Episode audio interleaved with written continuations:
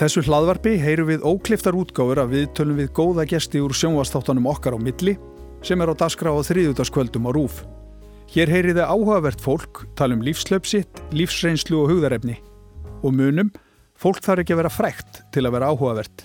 Ég heiti Sigmar Guimundsson og þetta er okkar á milli. Gestur minn í kvöld hefur látið til sín taka í umræðu um rasisma og kynþáttahyggju hér á Íslandi enda málið honum skilt. Þryggjára gammal fluttu hann hinga til lands frá Portugal með angólskri móður, íslenskum föður og bróður sínum. 14 ára gammal var hann komin í hljónsveit sem var eins og vinsalesta hér á landi og spilaði reyndar víða um heim. Um þetta allt og meira til ætlum við að spjalla næsta hálftíman eða svo við Loga Petró Stefánsson. Logi, verður velkominn. Takk. Gaman að fá þig. Ég var að hérna, vísa þess til þess hérna í inganginum að, að við erum búin að vera að fylgjast með þessari miklu mótmálaöldu í bandaríkjónum þar sem að fólk er bara að berjast fyrir ykkur sem við hljóttum að telja, telja bara að vera sjálfsögð uh, mannréttindi en það er svolítið merkilegt til þess að hugsa að það er árið 2020 núna og við erum ennþá þarna að, að krefjast þess að fólk eigi jafnan rétt á öllum sviðum óháð uh, litarhafti, kynneið eða kyni. Hva, kann þú eitthvað, ég veit þetta er stór spurning, kann þú eitthvað skýringa á þessu? Sko ég held að fyrst og fremst sé það bara þetta uppgjör sem að fólk er að kalla eftir hafa aldrei komið fram sko. Mm. Har aldrei verið gert upp. Þessi, þessi saga sko vestræðamenningar eh, vestræðamenningar og, og einna hvað segir maður, afrískra afkomenda mm. þæla. Já. Og það er það sem er að gerast þá bara núna og verður svona suðu pottur einhvern veginn úr. Hvernig slæðir þetta þig, þetta sem er að gerast þarna? Þetta er þetta er náttúrulega slærmann, þetta er rosa erfitt sko. Mm. Það er rosa svona eitna, hérna, líjandi að vatna mordan og lesa frettir frá bandaríkunum, sérstaklega í sumar og, og allt frá því að eitna, hérna, George Floyd var, uh, George Floyd var drippin en uh, þetta kemur mann ekkert á óvart Nei. sérstaklega ekki þegar maður hefur kannski uh, ferðast aðeins í bandaríkunum og svona skoðað réttindabartuna þar Já er, heldur að sé langt í það með nái því fram að það ekki verið til staðar einhver kerfisbundir rasismi í einhverju ríki sem að telur sér nú vera líraðislegt og, og fremst á mörgum síðan Já, ég held að sé ótrúlega langt í það. En eh, ég er svo samanlega bjart síðan á að kannski einn daginn muni það muni hérna, verða einhvers konar uppstokkun á, á, á kerfinu í bandiríkinum mm. en eh, þetta er bara svo þetta er svo dölið fyrir flestum og það er kannski svona ástæðan fyrir að vera að taka þessu umræðu og hún svona springur er hvað þetta er dölið fyrir mörgum. Já. þetta ástand og, og það er náttúrulega bara by design sko. En, eh, Hvernig þá? Ástandið í bandaríkunum er ekkert meginn sett þannig upp að eh, fólk sem ekki, verður ekki fyrir eh, fordómum. Tekur kannski ekki eftir þeim. Mm allur popkultu sem við hérna, neytum frá bandaríkunum er mjög kvít þegin þegin og hérna e, þú þarf bara að horfa kannski Hollywoodmyndir síðustu, síðustu ára bara eða fara að Hollywoodmyndir fóra stað til þess að átta því að það er sjálf að vera að segja svarta sögur mm. kannski að hérna, að horfa bara á sögur poptónlistar til þess að átta því að, að hérna, svart fólk er í, er í bakgrunnunum er kannski svona originators frumkvöðlar eru er í bakgrunnunum mm. þanga til kannski svona nýlega það eru síðustu ásöfunum að fara að sjá miklu meira af um, myndum eftir svarta leikstjóra miklu meira af svona svörtum sögum í bandarísku uh, bandarísku meðna bíóhúsum mm. og sjónarbi og uh, þetta hefur náttúrulega, við höfum kannski séð þetta allir skýrt í svona ákalli um uh, um eitna, hérna, verðluna eh, afhendingar. Mm. það var eitna, hérna, Já, Óskarinn og svo Óskarinn, það var alltaf þetta hashtag Óskar so white. Eh, það var bara því að það var einhvern veginn eh, mark, markaðin er bara þannig að í bandaríkunum og, og, og kannski svona akademían til dæmis í, í kveipandabransanum að, svört, svörtu sögur áttu bara ekki jæmt upp á borð og, og aðrar mm. Já, og það er ennþá kannski langt eftir en hvernig, svo við færum okkur hinga heim ég meina, Hvernig er þetta hér? Við viljum auðvitað ekki trúa því að það þrýfist einhver kerfisbundin rasismi hérna á Íslandi. Við vitum það auðvitað að það er einhver rasismi í gangi en það að hans í kerfisbundin eru auðvitað svolítið stórt. Mm -hmm. Hvað finnst þér um það? Um, þetta er náttúrulega áhugavert sko, því í bandiríkjunum þá er þetta kannski að miklu leiti svona uh, kerfisbundin rasismi sem liggur í sko til dæmis aðgengi að uh, kostningum, skilur, það er kannski erfiðar að kjósa í ákveðnum ríkjum í bandaríkunum þar sem að eh, svartir eru í, í meira hluta mm. þá kannski einhvern veginn búið að hafa reglunum þannig í gegnum tíu ára að það er auðvöldara aðgengi fyrir fólk sem að hefur kannski meira á milli handana að, að, að fara að kjósa hvort sem er að nálg, nálgast kjörstaði eða sækja sér skilríki eða skrási alls, alls konar svoleiðis. Á Íslandi þá er e, þessi kæðisböndi rasismi, kannski gagvart útlendingunum mm. í íslenska kerfinu.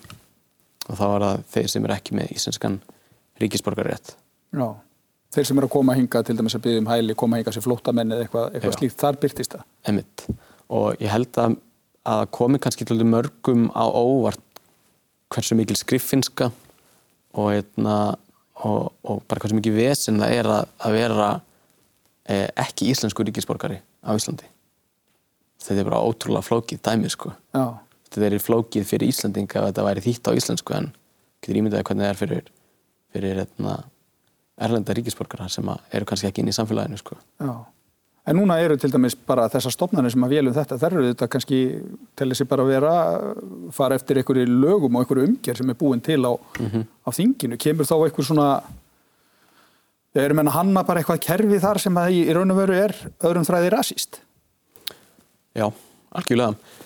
Málið það að þau hefur aldrei átt sko, ekki svo ég mun eftir allavega einhver svona efnislega umræða innan eh, alþingis og, og stjórnkerfisins um um hvernig við sem þjóð ætlum að taka á móti eh, erlendum ríkisborgurum, hælisleitum og, og, hérna, og hvernig við ætlum einhvern veginn að, að búið til kerfi sem er í takt við okkar gildi. Mm. Við erum alltaf að lendi í núna trekk og trekk að e, það er verið að, að það á að fara að vísa börn úr landi og við þurfum að sapna undirskriftarlistum til þess að koma í vef fyrir það. Mm. Og þegar það gerist ítrykkað, það er í gangi til dæmis bara akkurat núna þegar við erum að tala saman þá að senda úr landi e, held í sex manna fjölskyldu og það verður að reyna að sapna undirskriftum gegn því. Og þegar þetta alltaf gerast þá hljótu að sjá að það er etna, ekki verið að sinna einhvers konar sem er svona ákallið þjóðurinnar það er eitthvað, er eitthvað gangi sem fer gegn þjóðasálinni mm. En það er náttúrulega sumir bara hérna innan, innan, innan okkar land sem að vilja að það sé bara mjög stramt. Mm -hmm regluverki í þessu og það sé bara raunverulega erfitt að komast yngað og, og það allt saman.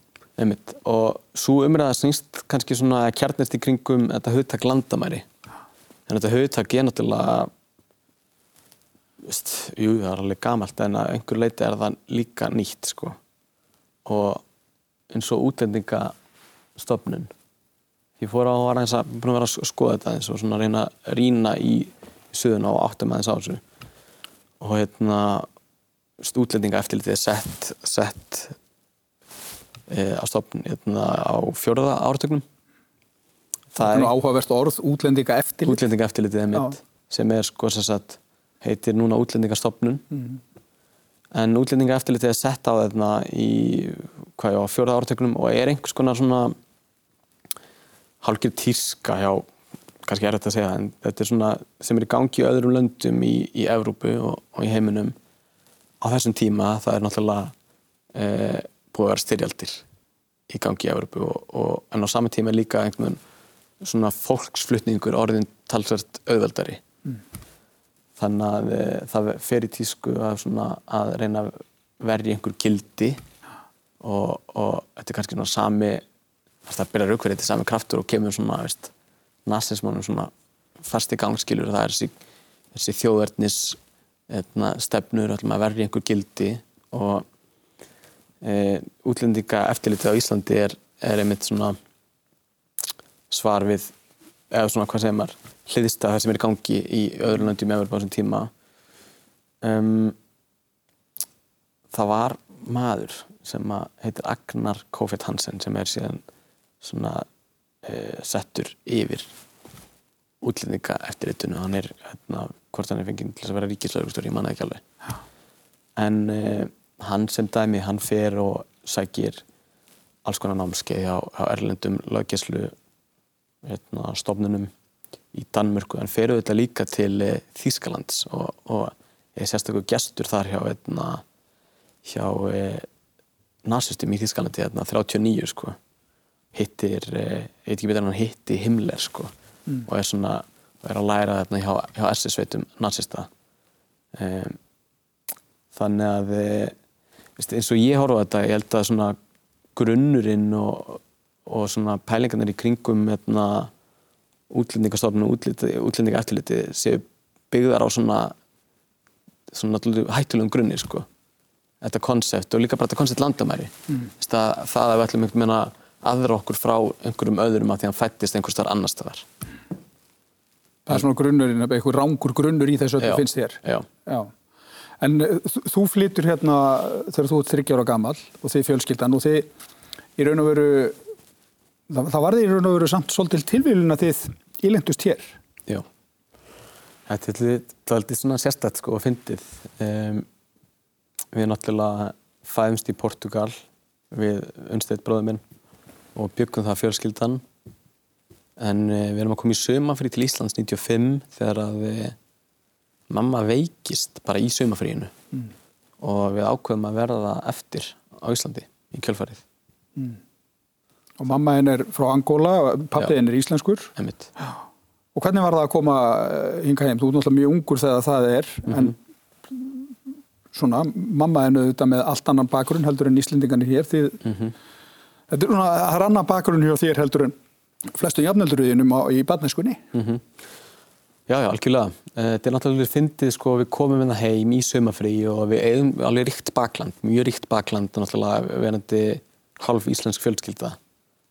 Um, og sem bara sem dæmi, veist, eh, mamma hún er veik og, og hún er búin að vera veik í einhver ár að hún har aldrei fengið, sko, rétta greiningar eða neitt svo leiðis og svo þegar við erum á Íslandi þá er hann í fer hann og, hittir eh, Sveinrúnar sem er hérna guðfæði minn og, og heimilisleiknir okkar og, og hann fyrir með hann einhverja rannsóknir og sendir hann bara beint upp á spítala og þar kemur ljósunni bara með nýrnabilun mm. og hérna þetta er svona doldið náttúrulega crazy dæmi að lendi sérstaklega þú ert kannski með lífið skilur þú býr út í Portugal en, en stoppar hér í einhver tíman svo, svo festustu hér sko. Mm en eins og ég segi við áttum svo stert bakland og eitna, en ég held að það hafi verið svona svona náttúrulega örgulega hræðilega erfitt fyrir, fyrir mömmu sko mm.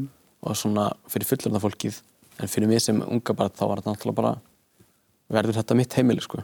Já, og hvernig gekk ykkur bræðurum að, að í skólanum og annað, því að við erum nú svona stundum að tala um það að, að það sé í gangi ykkur rasismi hér og þar, þið hafið ekki fundið neitt mikið fyrir því Sko, kannski ekki svona, ég hef ekki fundið mikið fyrir eh, svona kerfislegum rasisma, sko. Nei. Eða svona, eitna, hérna, að upplifa með annars flokks. En eh, eins og í skólagerðin, það var bara frábært, sko. Það er, eitna, hérna, við förum í Östubáskóla sem er náttúrulega, e, við vorum svona kannski frumkvölar í, í svona nýbúastarðsemi. Við erum með nýbúadeild og og erum þar uh, í tíu ár. Við byrjum náttúrulega á Grænaborg sem við kynnumst svona okkar eldstu og bestu vinnum. Mm. Um, en í skólakerfinu þetta var bara fínt. Ég man örgulega fyrsta skipti sem að ég upplifði sko svona aðkast í innan skólakerfisins uh, gerst náttúrulega bara með auknum þroska þegar maður fyrir kannski svona sjá hluti í öðru samengi en það er því ég er í MH og, og þá segir kennari Hérna, einum tíman að þetta er náttúrulega ekki hvítu manni bjóðandi. Já. í einhver svona, þetta er einhver gömul setning eða eitthvað sem hann hefur gripið og satt svona gegn tíðina, en þetta er svona, svona fyrsta skiptið sem ég staldraði við Já. innan skólakerfins að hugsa Hún er náttúrulega mjög raung þessi setning það er alveg, segir sér sjálf Já, segir sér alveg bara svona, mjög sjálf, sko, mjög skýrt segir En hvað, þetta er einmitt svolítið áhugavert, hvað heldur þú að sjá bakvið þetta hjá kennarum? Er það rasismi eða eru menn bara í einhverjum vana þegar það kemur á tungumálunum og segja alls konar hluti án þess að velta fyrir sér hinn raunverulegu meiningu? e, algjörlega, ég held að það sé einmitt bara vani sko, ég held að það sé engin sem að, ég held að sé einstaklega fáir Íslandikar sem að myndi myndu flokka sjálfa sér sem, sem rasista sko mm. en e, fólk gerir alls konar mistök þrátt fyrir það, þá gerir kannski e, eitthvað sem að myndi teljast rasískar gjörðir eins og þetta mm -hmm. an þess að vera kannski í eðlisinu rasistar mm. en það er líka svo fyndið í þessari umræðu hún er svo polariseruð af því að fólk er svo hrætt við að vera stimpla sem rasistar Já. án þess að átti þess að á því að þetta snýst ekki kannski beint um það heldur svona um, um gjörðirnar Já. beint frekar en að þetta sé eitthvað grasserandu og gegn sér í huga fór fólks Já. en þetta er stundum, finnst fólki pínlítið í jarðsprengisöði, ég var til dæmis að lesa þráð á dögunum á Facebook og þar voru menn alveg tippland á tánum yfir því hvort það ætti að tala um svarta eða blökkumenn og okkur er verið að tala um afrikanska amerikana í bandaríkjanum og allt þetta og svona það voru það var svona engin sammál um hvað væri rétt og hvað ekki. Þetta er svona hvað séu þú þessu? Þessi umræða er náttúrulega bara svo fljótandi. Það er ekkit eitt rétt eða ránt en um, eins og þegar kemur að etna, hvaða orð við notum yfir yfir, yfir etna, fólk af afhilskum uppruna. Þetta er náttúrulega bara svo fljótandi umræða. Fyrir sumum er það í lagi að vera kallaði svartur eða svartningi eða, eða blökkumæður en þetta snýst náttúrulega bara alltaf um samhengi. Hver segir þetta og hvernig það er sagt sko. mm. Já, það er eiginlega það sem er svona kannski aðaladri Já, tungumálið eitt og sér sko, orðin ein og sér er ekki vandamálið. Nei. það eru kannski san á baku orðin hvernig þau eru sögð og hver segir þið Já En að því þú nefndir þetta með, með kennarin, eru er, er fleiri svona hugtök eða svona gildrur eða villur sem að menn er að nefna í daglegu tali og, og fatta í raun og er ekki alveg hvað þeir eru að segja? Já, já, algjörlega. Það er að fara mjög djúft í þetta og tala til dæmis um uh, þetta hugtak uh, að vera settur á svartan lista, mm. blacklisti, þú getur farið alveg mjög djúft í, í svona, í hvað segir maður, hérna, uppruna hugtaka og, og og hvernig hann er á sig kannski svona Áhverju er, listin svartur? Já, Já. Eitna, en uh, annað dæmi skemmtilegt er þegar við tölum um húðlitt en hérna á Íslandi það er náttúrulega búin að vera mikil umræða um það síðustu það líka eftir þetta byrtist uh, svona samatækt á að húðlitti var í tísku núna sko. En uh, það var náttúrulega minn húðlittur en ekki þinn Já. Já. en þetta er svona dótt sem að við rekum okkur á en, en við getum rætt og, og svona leist sko. Já. Já, en meina, þetta er hlutur auðvitað sem við þurfum alltaf að hafa í huga. Er ekki fólk jú, algjörlega. átt að sjá því? Meina... Jú, jú. Bara Íslands samfélag kannski ekki vant því að að, hérna, að vant þeirri tilöksun að, að Íslandingar séu bara ekki kvítir. Mm. Séu ekki bara kvítir, segja. Já. Og hérna, ég held að sko bara mikið af þessum umræðum og uppakominn sem hafa komið síðustu ár þar sem að fólk er að kannski að, eitna, að benda á eitthvað eða, eða gaggrina fyrir uh, mistök eða eitthvað sem hefur sagt er bara svo staðrind að, að við erum svo ótrúlega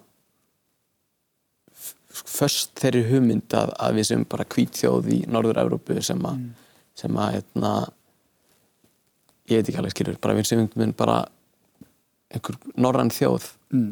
af einhvern arískun stopni sem Já. við erum ekki skilur, ég er alveg mikið íslendingur og, og þú og það er ekkit það hefur ekkit með húðlitin að gera sko Nei.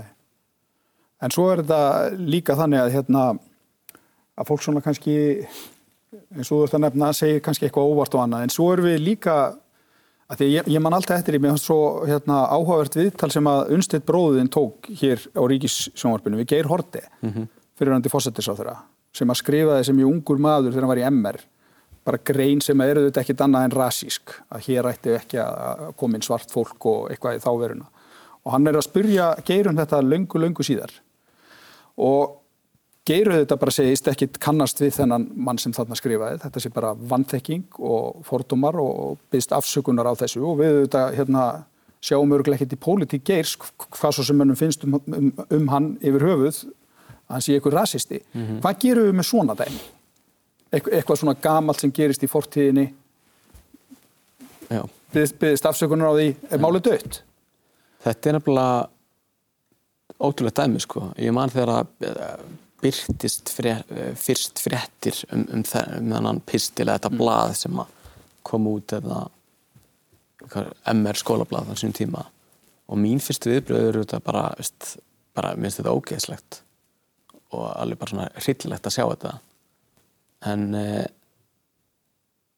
þetta er náttúrulega bara þetta er eitthvað svona þetta er eitthvað, ég veit ekki hvað, hvað, hvað umhverju þetta var til hjá Geir en, en eina sem hægt er að gera í þessu var þetta bara að gangast við, við þessum mistökum mm.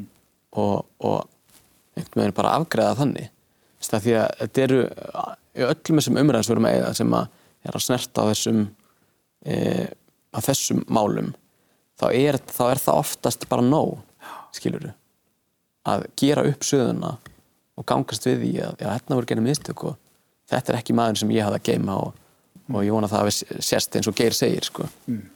og ég held að eh, án þess að ég fari kannski eitthvað að greina pólitík Geirs e- eitthvað hérna, djúft þá, þá er nú samt alveg hægt að segja það að það ekki verið sko, keirt á xenofóbíu í hans pólitík sko. og veist, þetta er náttúrulega bara aðdánavert að sjá þetta viðtal aðdánavert að sjá hann að mann gangast við þessum mistökum. Og ræða þau efnislega og það er líka bara leiðin áfram Já, okkurat. Þarna gerðist eitthvað, þetta voru mistök, ég er ekki þessi maður í dag, ég stend ekki við, við þessi viðfórum. Þetta er ekki, menn bregðast ekkit alltaf svona við. Nei. Við erum auðvitað að sjá dæmi um það að já, menn, menn til dæmis fela sér stundum mi- mikið á bakvið grín. Já. Að Það megi allt í gríni. Mm -hmm. Það vart í stand-upi eða að búa til sjónvarpið eitthvað að það sé allt í lagi að láta svona hluti koma fram í gegnum einhverja karakter eða grín.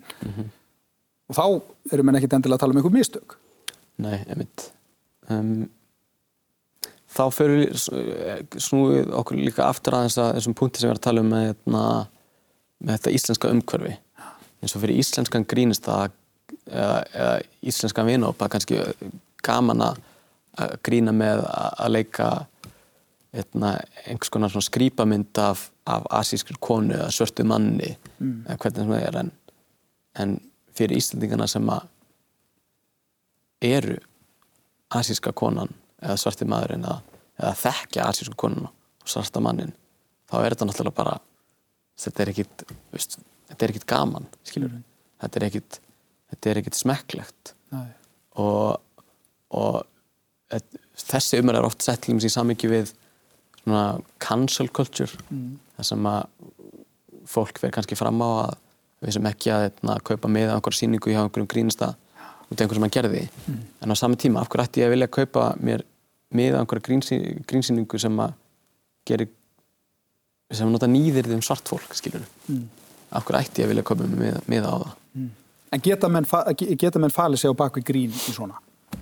það er náttúrulega staðnendin er svo að þú getur grína með allt sko, en, en, en það sem þú segir hefur bara afleðingar allar gjörðir okkar hafa afleðingar mm. Þannig að hvort sem að þú setur það fram í einhverju grín eða ekki skilur það er bara eitthvað sem maður þarf að skoða Þú ert svolítið mikið að benda á þetta að samhengið skiptir alltaf samingi skiptir öllu máli sko. í öllu sem við gerum Já, ekki bara orðin einu sér heldur. Hvað Já, er já. falla og, og, og hvað tilefni? algjörlega og við sjáum þetta líka bara í svona jaðar menningum að þegar fólk grýpur einhver orð sem eru kannski notuð á, neðanlega háttum sinn jaðarhóp en gera það sínu eigin mm.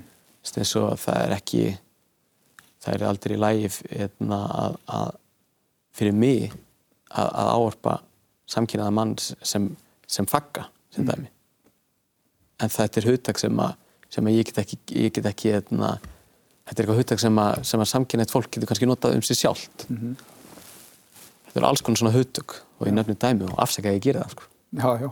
En hérna, að því þú nefndir uh, cancel culture eða eða þetta er nú stundum kallað útilokuna menning hérna á, á, á íslensku, ég veit ekki hvort að það er nákvæmt orð en, en allavega uh, hvað finnst þér um þetta? Þetta er, þetta er auðvitað svona marklaga svolítið, við erum til dæmis stundum að tala um að eins og að því við vísum undir bandarækjana í upphafi, það eru kannski stittur af mönnum sem eru merkilegar sögulegar uh, personur í bandarískri sögu en þeir voru kannski þrælahaldrar líka -hmm. og menn vilja rífa niður stitturnar og meðan aðri segja hvað að endurskrifa söguna mm -hmm.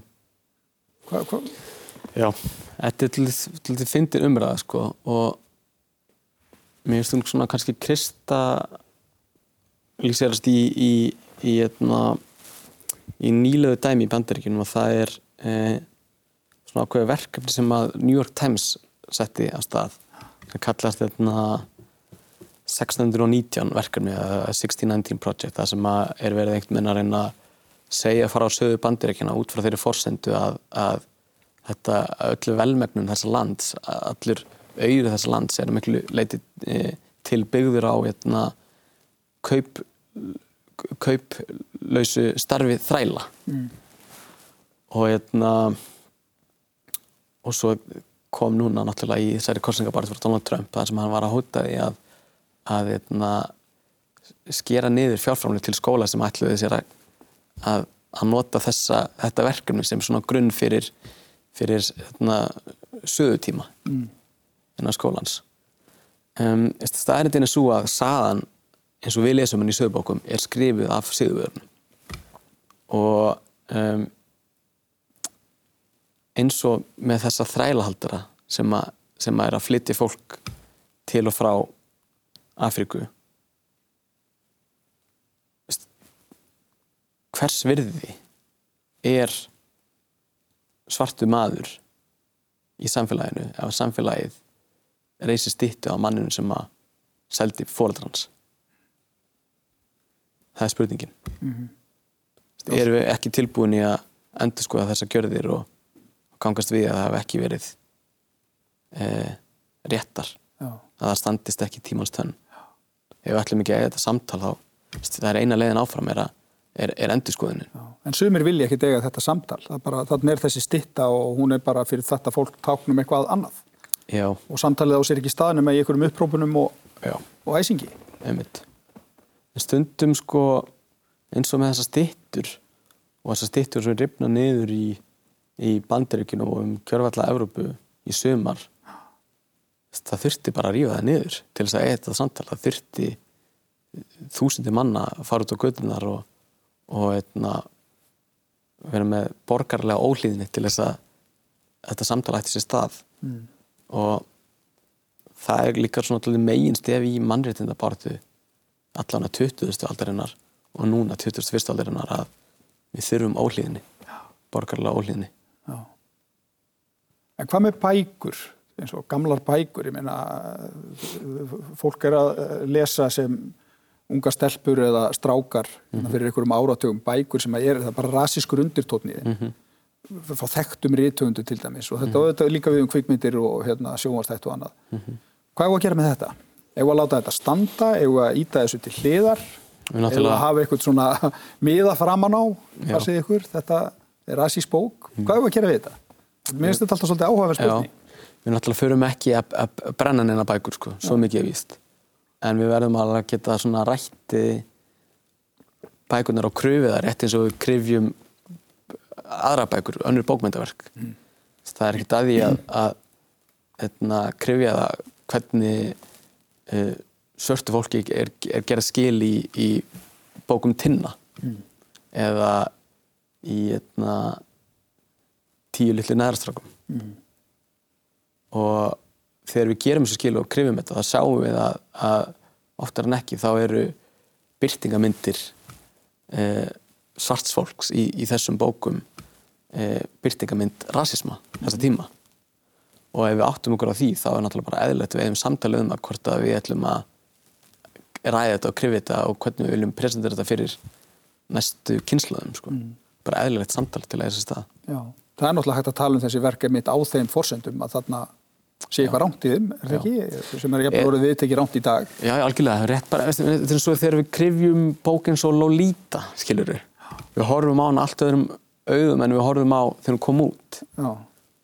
við horfum allt etna, veist, veist, við erum í stöðuri endurskoðun um það sem kemur fram í svona verkum og hvernig það talar við gildi nútímans hvernig að tala við þetta líðræðislega samfélag sem við búum í mm. því við búum í líðræðislega samfélagi sem er grunnunum fyrir því að sem að eða þessar mm. samræður á annar borð mm. En þetta er þetta kannski svolítið það sem að geir lendi í þau vísum til hans áður Já. að það var eitthvað sem var viðteknar og þá en er það ekki í dag Nákvæmlega og við erum í svo stöðru þróun það þarf ekki annað en að, en að skoða bara mentaskóla blöð fyrir 20 árum til þess því að við erum komin á allt annað stað Já. Blessunulega þetta. blessunulega Já. Þannig að hérna, sam, þetta er alltaf þannig, þú segir þetta alltaf, samtalið þarf að eiga sér stað. Já.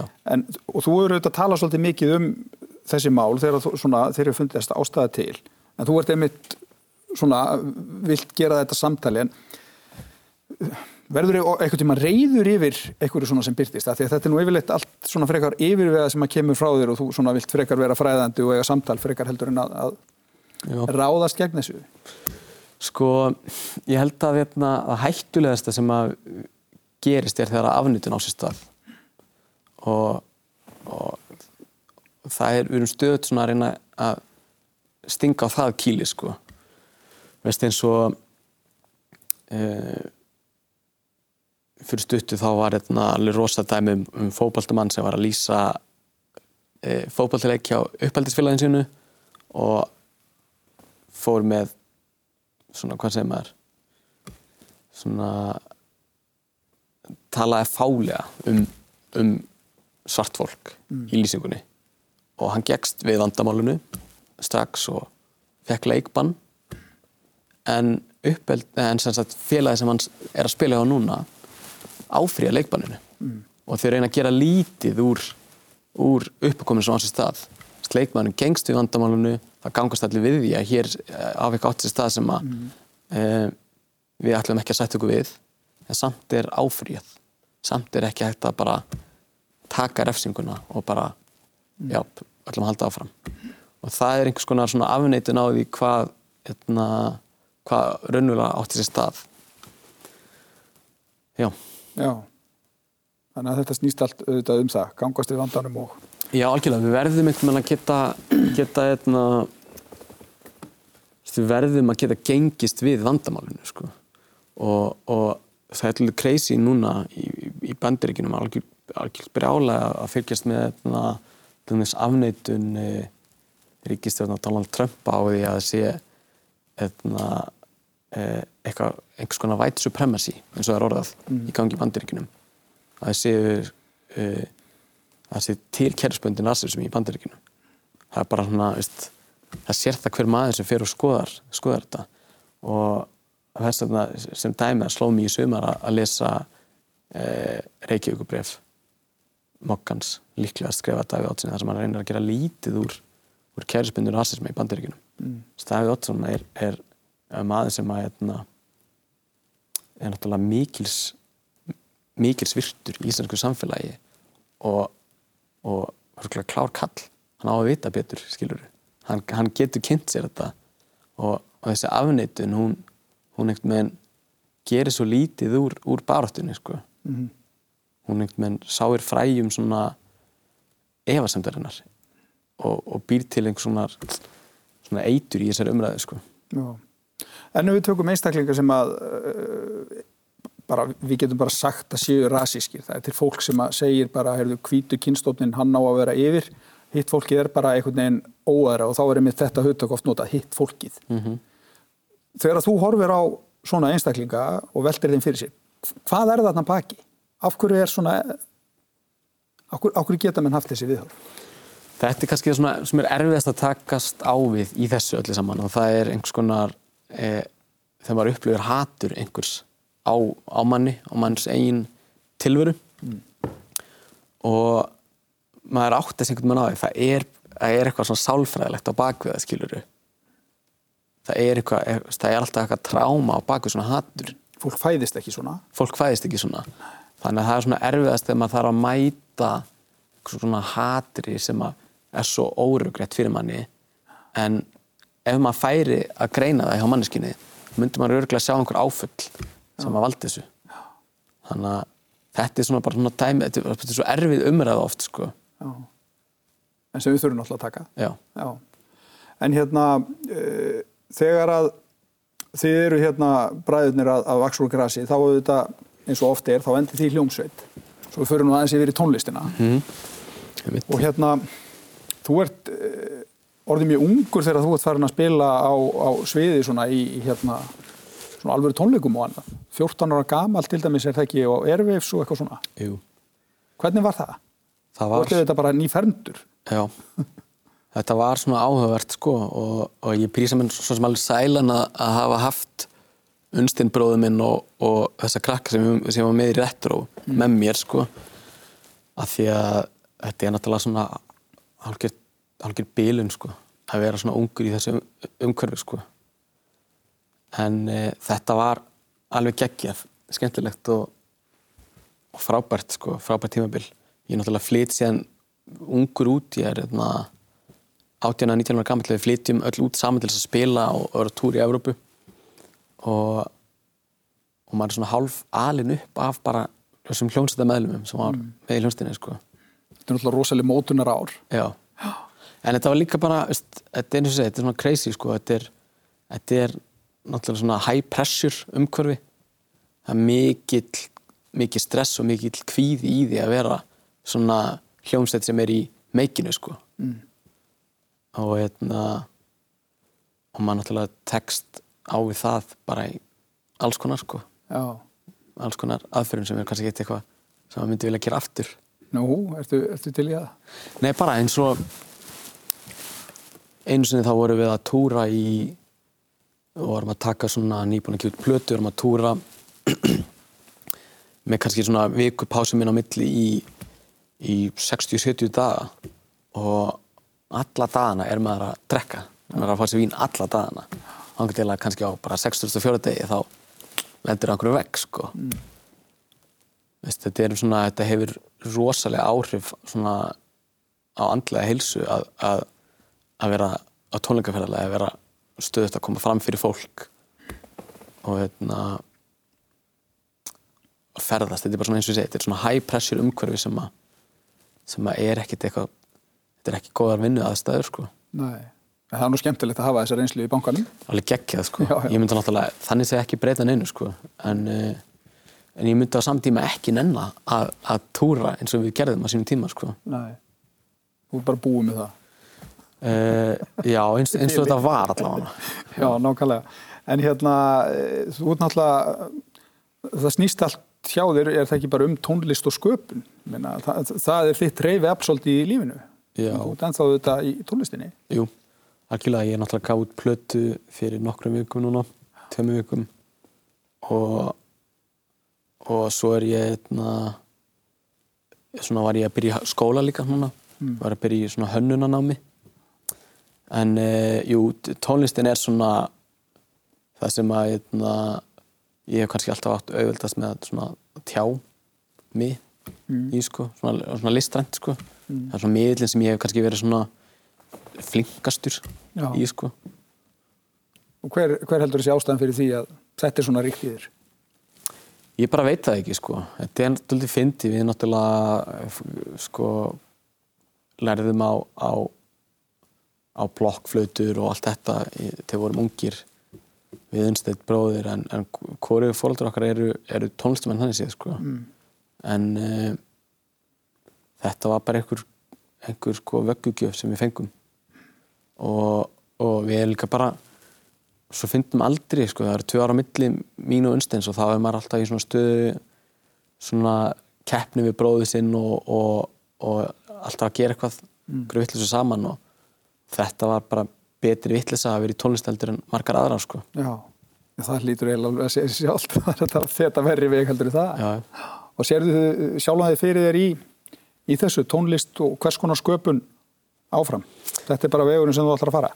Sko ég bara veit það ekki. Það er svo flókið að vera poptónlistamæður. Þú veist það, því maður er í stöðu samtali við nútíman og maður er einhvern veginn stöðut að svona, allan að mín upplifun á poptónlist er að gerjunin, alltaf góða sem gerist í poptónlist á sér alltaf staði á ungu fólki. Þannig að maður er einhvern veginn stöðut að eld einhvers konar æskubrunn sem að verði svo náttúrulega bara á einhverju tímapunkti kannski hálf glatað sko. Já, þannig að maður spyr sig bara hvað, hvar verður maður sem poppari eftir 10 ár eftir 15 ár? Og líka bara af því ég var svo ungur þegar ég byrjaði að gefa tónlist að þá einhvern veginn hefur maður fylst með tónlistabransunum stökkbreytast síðasta platta sem að við gáum út í í, hérna, í svona haldbæru fysisku formi, bara keisladiskur og vínill. Hérna, síðasta platta sem við gáum út í, í Rettur Starsson, hún, hún seldist í, í yfir 10.000 eintaka og það er árið 2012 eða 13 árið 2019 þá eru kannski svo plata sem selst mest í, í fysiskum eintökum að skrýða yfir 1000 eða 2000 Já, öll miðlunin hefur náttúrulega breyst bara. Já. öll miðlum hefur breyst og, og bara hvernig fólk neytir tónlistar og, og upptöku umhverfið, útgáfu umhverfið þannig að maður er svona stöðut að reyna bara að aðlaða þessi en svo er það líka bara svo staðrind að það að vera poppari þá ertu einhvers konar vara sko og það getur verið líjandi það verið einhvers konar neysluvara þurfa að vera hérna, alltaf að til taksi viðtöl og annað sko Já, Þið finnst það ekkert skemmtilegt eða eitthvað? Þetta er svolítið áhuga að líta á sig sem vöru. Já, þetta er sko með að því að maður upplifir líka bara einhvern veginn svona eins og maður etna, þurfi svona að veist, að aftengja sig Já, sjálfinu sínu og verða veist, þessi vara sko þegar maður er í því og þetta er bara þetta er ógæslega skemmtilegt og áhugavert sko að, vera eitna, poppari sko en e, þetta er bara frábært ég myndi ekki breyta hennu með það sko þetta er þín illa í dagamistúkasti. Já. Já. Og það var ótrúlega gaman að fá því hérna uh, í þennan þátt að spjalla. Við fórum með þetta mjög svona, komum víða við, en kannski bara út af, í lokin, út af þeirri baksögu. Hvernig samfélag er Ísland? Er Ísland gott samfélag? Já, Íslandi er frábært samfélag. Eina, eina land í heiminu sem ég langar að búa í og, og eina land í heiminu sem ég ekkert með e, sé fyrir mér að, að alveg börn í. Við erum frábært samfélag og við hefum svo margt etna, gott að geima en við þurfum líka bara að vera einmitt opnari fyrir samlundum okkar og vera svona með hvað segir maður breyðari sjón á, á hvað Ísland er raunverulega. Því að veist, við erum bara samfélag manna á eigu í hérna, á norði hér í veraldar. Og það er það sem Ísland er. Ísland er ekki kynþáttur eða litur. Það er bara þetta samfélag sem við búum til saman. Þetta eru frábær lokaord. Takk fyrir að koma lagi. Takk. Þetta var hlaðvarpið okkar á milli, óklift útgafa af sjónvastáttunum sem er í loftinu á Rúf á þriðutaskvöldum og eftir kastljósu og menningu. Ég heiti Sigmar Guðmundsson, takk fyrir að hlusta.